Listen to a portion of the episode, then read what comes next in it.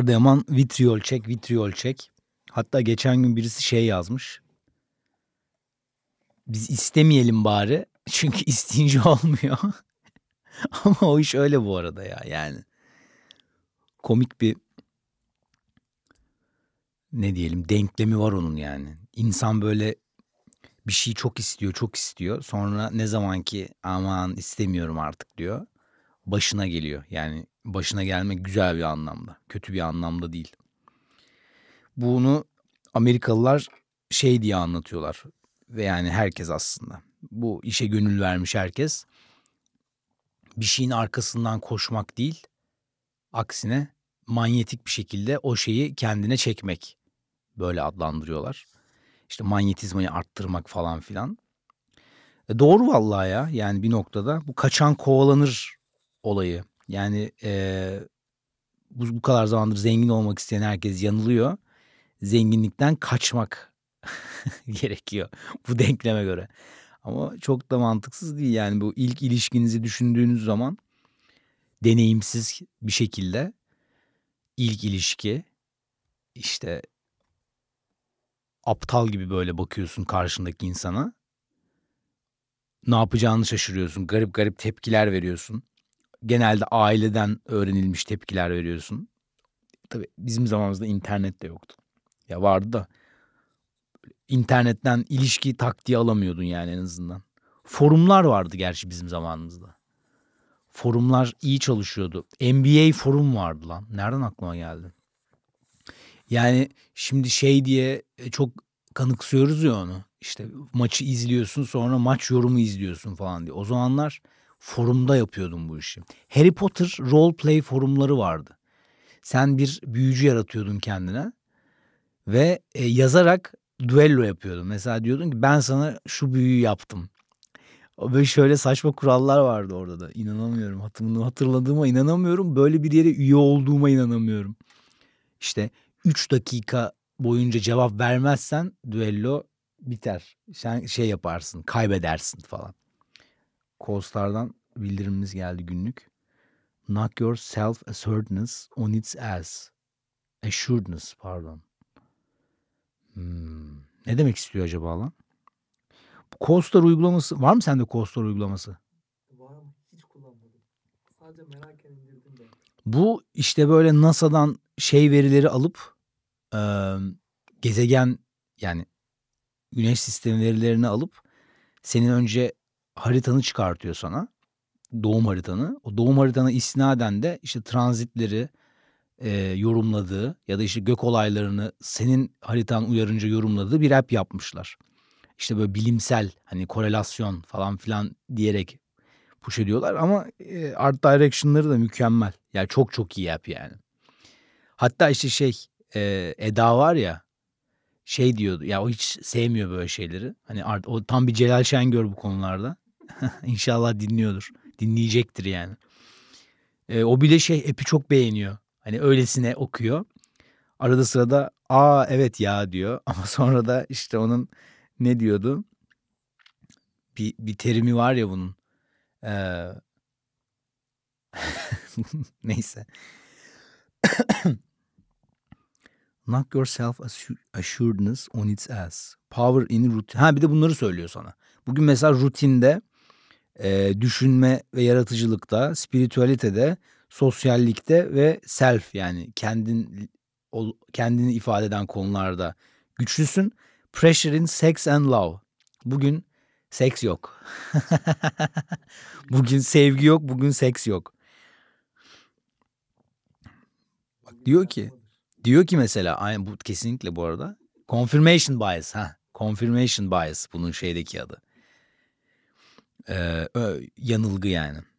Are you looking for imperfection through today? Yani bugün boyunca e, işte mükemmel olmayan şeylere mi bakıyorsun?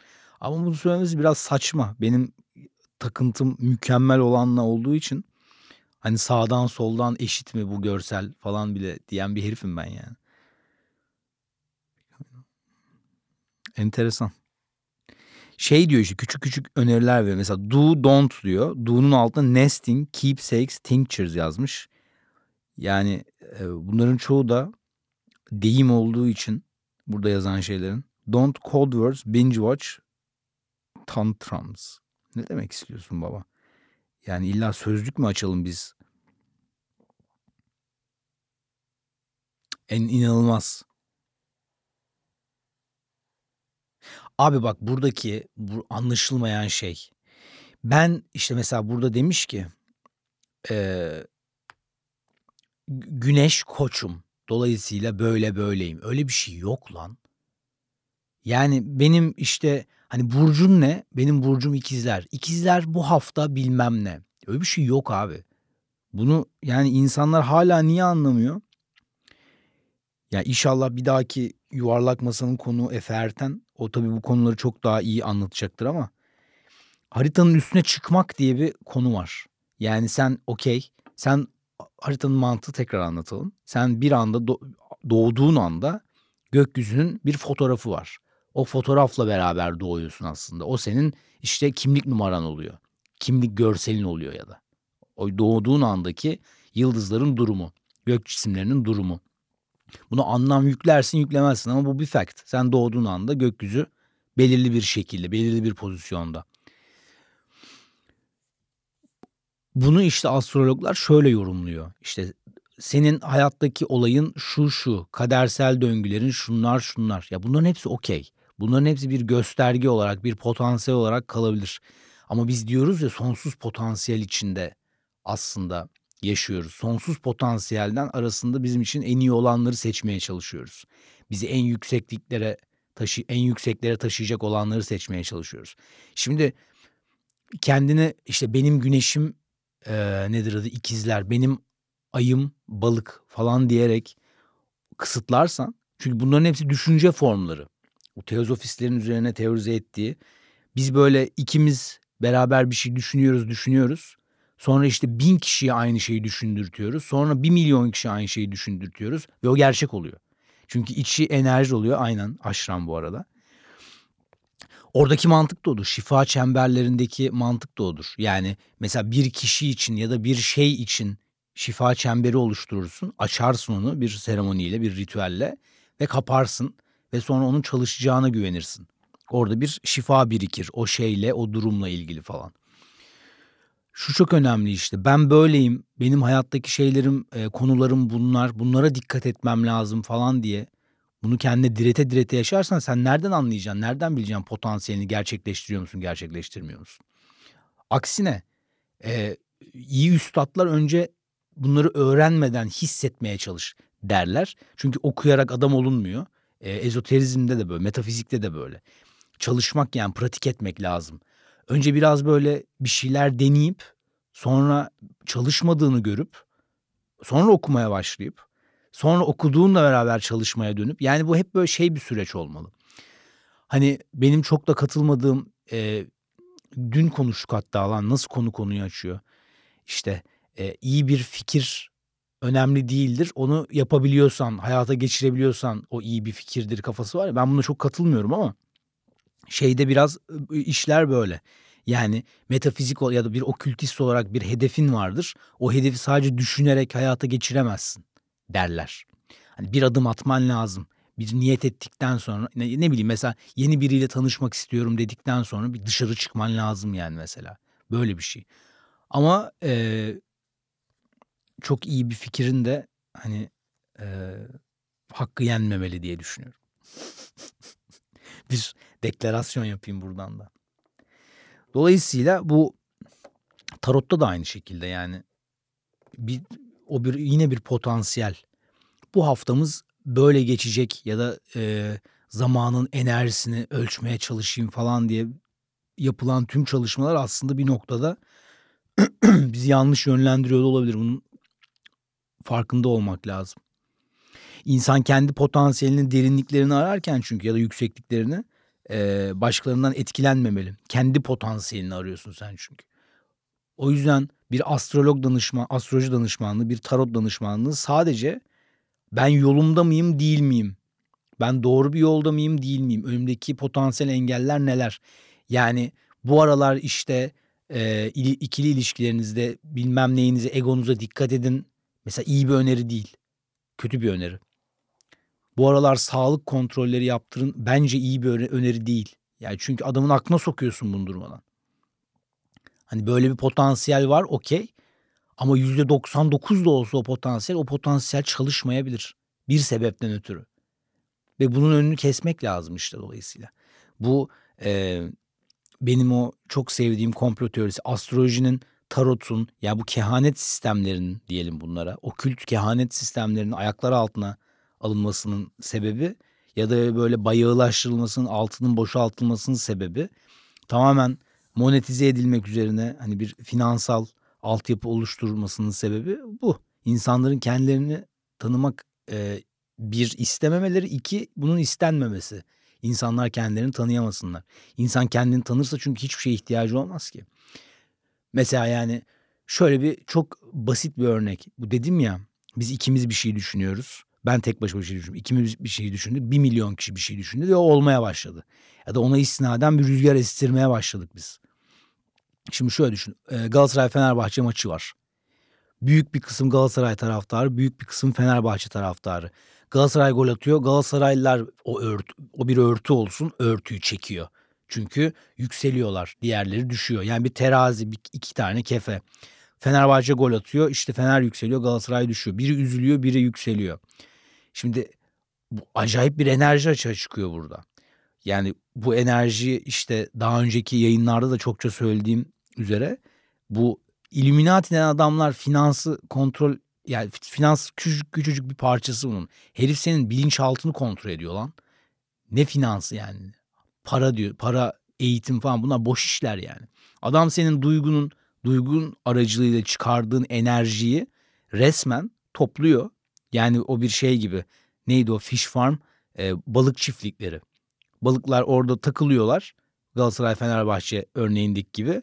Orada bir enerji açığa çıkıyor. Sen o balık çiftliğinin sahibi olarak hatta belki denizin sahibi olarak oradaki enerjiyi alıp başka bir şey için kullanıyorsun. Başka o iki kişinin, başka bin kişinin düşündüğü şeye enerji aktarmaya başlıyorsun. Ve o kese büyümeye başlıyor. O gerçekliğe yayılmaya başlıyor. Ee, önemli. Önemli şeyler. Ve tabii o bu belki en önemlisi ya. Bu belki en önemlisi. Şimdi bizim astrolojiden başlaması konunun biraz iyi oldu. Zamanın kalitesi diye anlatırdı benim e, bir hocam. Zamanın kalitesini ölçmek e, diye anlatırdı. Şimdi biz zaman ileri akıyor diye düşünüyoruz ya zihnimizde. Zaman ileriye akıyorsa o zaman 3 sene sonra başımıza bizim böyle şeyler gelebilir. Ama zaman diye bir şey olmadığını idrak ettiğimiz noktada astroloji ne işe yarar? Enteresan. Yani sen doğduğun andan itibaren bir zaman çizelgesi başlıyor. Okey. Fakat sen doğmadan 10 sene önce ne oldu? Bunun önemi yok mudur? Deli misin sen ya? Yani sen bir anne ve bir babadan doğuyorsun günün sonunda. Bir spermden ve bir yumurtadan doğuyorsun. Bunlar da iki tane potansiyel, iki tane potansiyel enerji ve bir şey yaratıyorlar. O yarattıkları şeye etkileri yok mu? Genetik denen şey nedir yani? İşte bu bu e, davranış genetik bir davranış falan. E o ne o zaman? Ne oldu? Sıçtı mı astroloji şimdi? O zaman biz geçmiş yaşamlarımızın da mı acaba e, haritalarına bakmalıyız? Karma astroloji bunu yapıyor. Drakonik harita diye bir şey var. Senin aslında geçmiş yaşamların değil ama haritanı açtıktan sonraki haritanı yani haritanın üstüne çıktıktan sonraki zamanları işte tespit etmeye çalışıyor. Neyse bunu da anlattım. Bunu niye anlattım? Çünkü e, artık Vitriol'de böyle hazırlıklı yayınlar yapılıyor. Elimde bir sürü kağıt var. E, ve İsmail Erk Deli Ormanlı diye bir abimiz kim olduğunu asla bilmiyorum. Önüme kondu. Bu zamanın lineer değil de döngüsel olduğuna istinaden ya da işte zamanın olmadığına istinaden zamanların birbirine benzediğine Aa burada tabii şeyi de anlatmak lazım. Paganları da bu işi nasıl kullandıkları. Neyse şöyle bir önümde e, quote var. Quote'un Türkçesi nedir lan? Alıntı. Ne demiş İsmail Erk Deli Ormanlı? Biz lineer zamanı algılayabildiğimiz için dairesel zaman bize anlaşılmaz paradoksal gelir. Örneğin bir turun anne ve anneanne düşünelim. Bu da en boktan kuantum fiziği örneği ya. Torun zamanda yolculuk yapıp anne doğmadan önceki bir zamana gidiyor ve anneannesini öldürüyor. Bu durumda lineer zaman akışına göre düşünürsek anneanne öldüğü için annenin ve dolayısıyla torunun da doğmaması gerekir. Bu nedenle de zamanda yolculuk yapıp anneannesini öldüren, dolayısıyla annesinin doğumunu engelleyen torunun yok olması gerekirdi. Ama torun zamanda yolculuk yapıp anneannesini öldürdüğünde ne annesi ne de kendisi doğmamış olur. Yani yok olur. Bunun nedeni lineer zaman akışının neden sonuç ilişkisine bağımlıyken dairesel zamanın neden sonuç ilişkisinden bağımsız olmasıdır. Ee, buna ben pek katılmıyorum ama yine de enteresan bir yerden yaklaşmış. Lineer zaman akışında hiçbir an hiçbir andan bağımsız değildir. Bir diğerinin neden ve sonucudur. Ama dairesel zaman akışında her an kendi başına ayakta durur. Bu yüzden anneannesini öldüren torun yok olmaz. Bunun yerine yeni bir paralel evren yaratır. Ha, bunu söyleyecektim tam. Buraya geldik onu. Yeni oluşan evrende anneanne öldüğü için anne ve torun da meydana gelmez. Baba ne diyorsun? Bu bu kendi yazdığı bir şey mi bu herifin? Bu sen peki bunu böyle alıntı olarak mı aldın? Yok yerden aldım ben bunu direkt. Eklemesiz. E, adam ama kendiyle çelişmiş burada lan. Ya şunu söyleyecektim ben şimdi bizim zamanı lineer algıladığımız okey. O işte dolayısıyla çocuğun zamanda yolculuk yapmasını işte bu t eşittir 0 t eşittir 1'deyiz t eşittir eksi 1'e gitmesi gibi anlıyoruz ama öyle bir şey değil.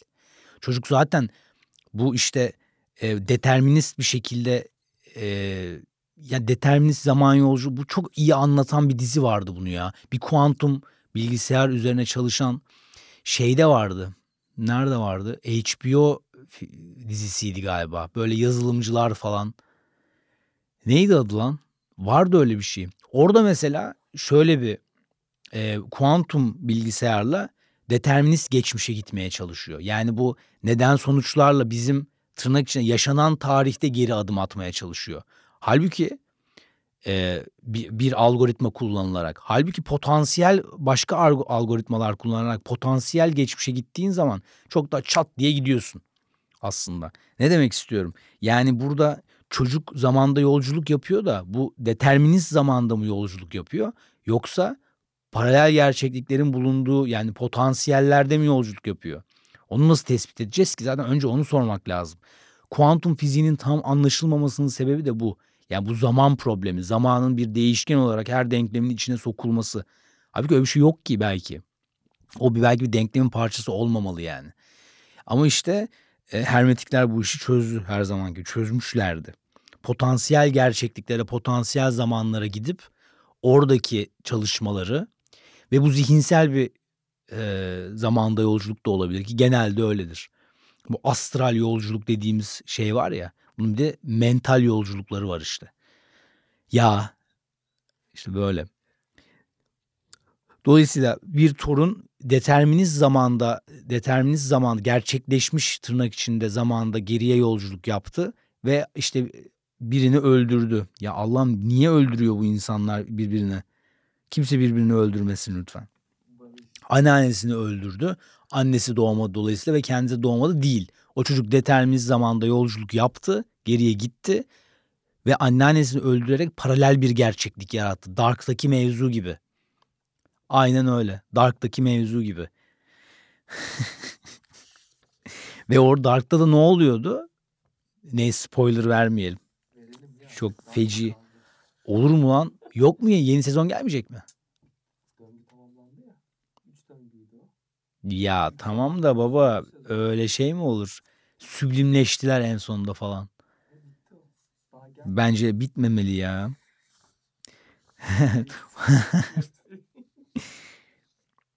Bu e, zamanın kalitesini ölçen paganlar şunu çok iyi biliyorlardı. Şimdi işte bir, bir biz doğduk. O sırada bir şeyi çektik. e, gökyüzünün fotoğrafını çektik. Ama aynı zamanda mesela e, bir pagan toplumunda bir kral diyelim ki öldü. Ve herkes hüzüne boğuldu. Onun da bir fotoğrafı var gökyüzünde.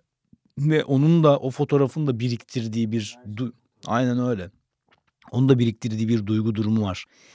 Şimdi e, bir pagan kültüne ait olan işte e, kötü niyetli diyelim bir insan topluluğu o kralın ölümündeki hüznü aslında bize yaşatabilir. Oradaki o hüznü geri çağırarak. Çünkü zaman yok ya. Yani bir backdoor'a giriyorsun. Ma- Matrix izledin mi sen? Matrix'te bu hani anahtarcının olduğu şeyler var. Ee, bu hani böyle bembeyaz bir sürü kapının olduğu bir yola giriyorlar. Zamanda yolculuk denen şey tam olarak o bu arada. Yani potansiyelleri de gördüğün, determinist zamanında gördüğün bir şey.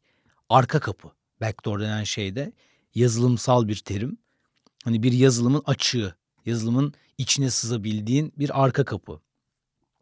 E, Matrix de tam olarak bunu anlatıyor.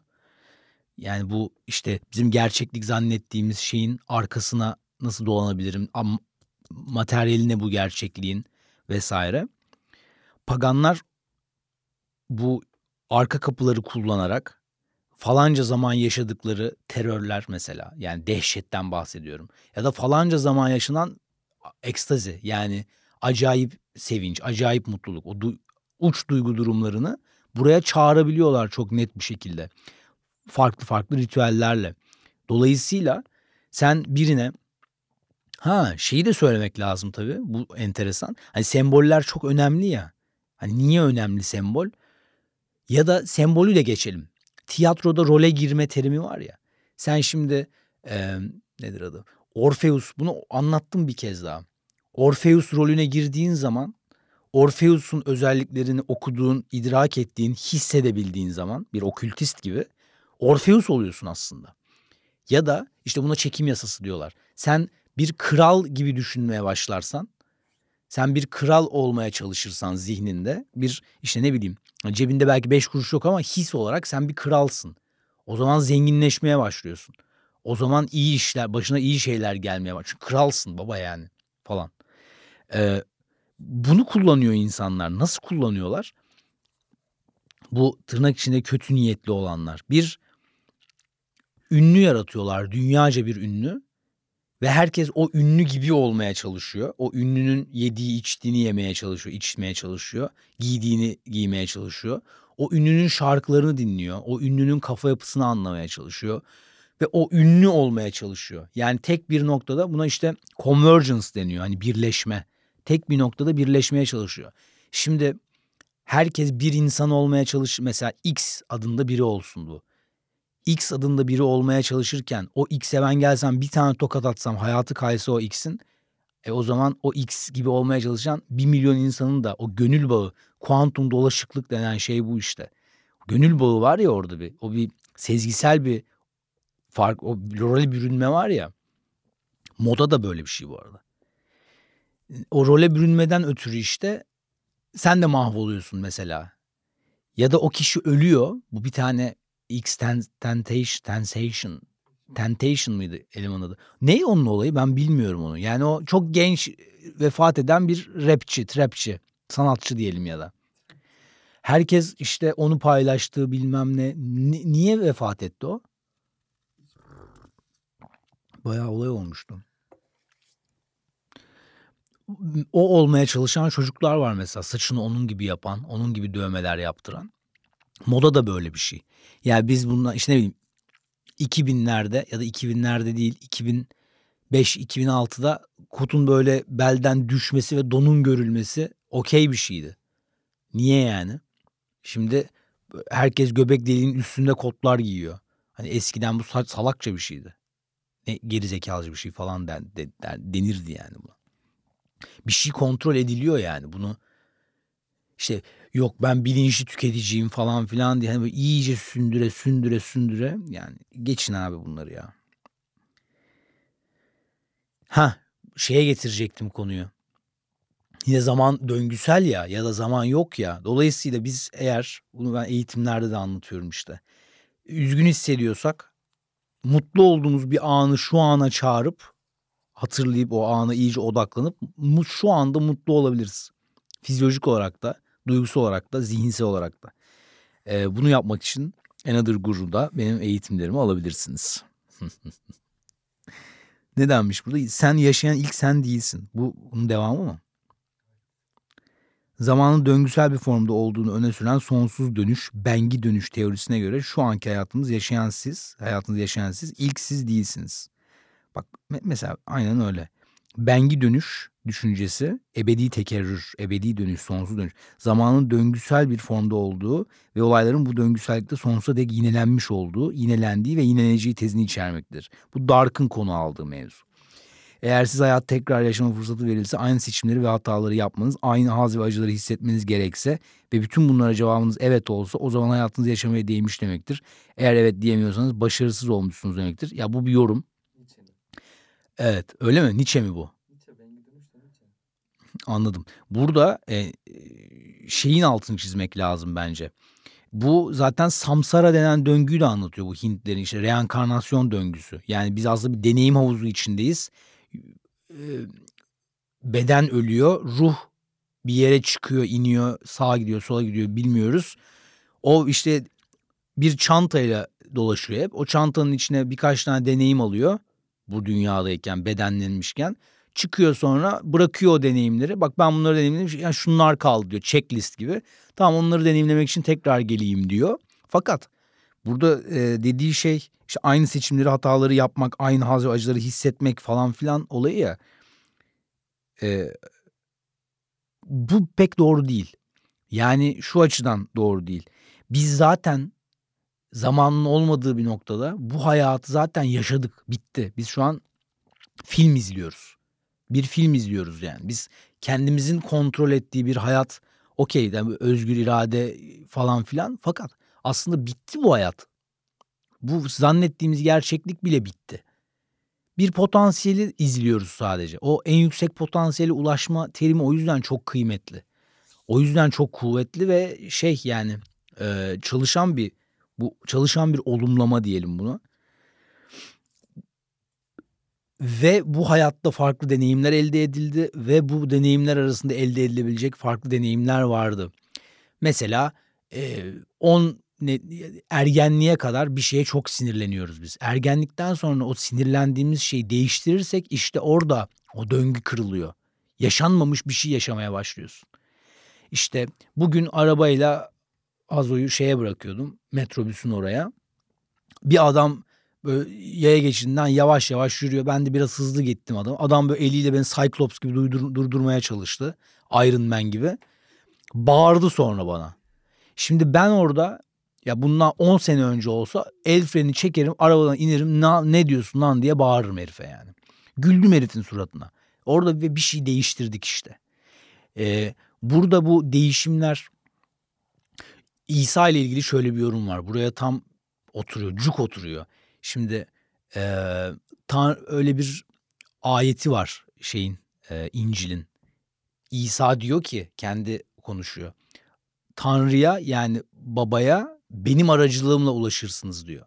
Bunu şimdi tehlikeli bir şey. Yani bu e, özellikle dini metinler temel anlamlarıyla anlamak çok tehlikeli. Orada bir yorum şunu kastediyor. İsa sevgiyi anlatan bir peygamberdi. Dolayısıyla Tanrı'ya sevgiyle ulaşırsın diyor. Şimdi aslında böyle düşününce çok mantıklı. Yani adam bu yorumu yapan kişi diyor ki tefsirci adamcağız bana tap demiyor diyor. Ba- bana tapmazsan Tanrı'ya ulaşamazsın demiyor diyor. Benim anlattıklarımı anlamaya çalış diyor. Çünkü ben hepinizin içinde varım diyor. Sevgiden bahsediyor. O bir arketip çünkü. Yani şey gibi e, işte bu geçen Ümit'le konuşurken aklıma gelen şey uçak olmak mesela. Uçak olmak bir yani suni bir şey olduğu için bir arketip değil ama mesela kartal olmak bir arketip. Kartal zihinsel gücü ifade eden işte e, yük, yüksek bilgiyi, aydınlanmayı ifade eden sembollerden, hayvanlardan, erk hayvanlarından biri.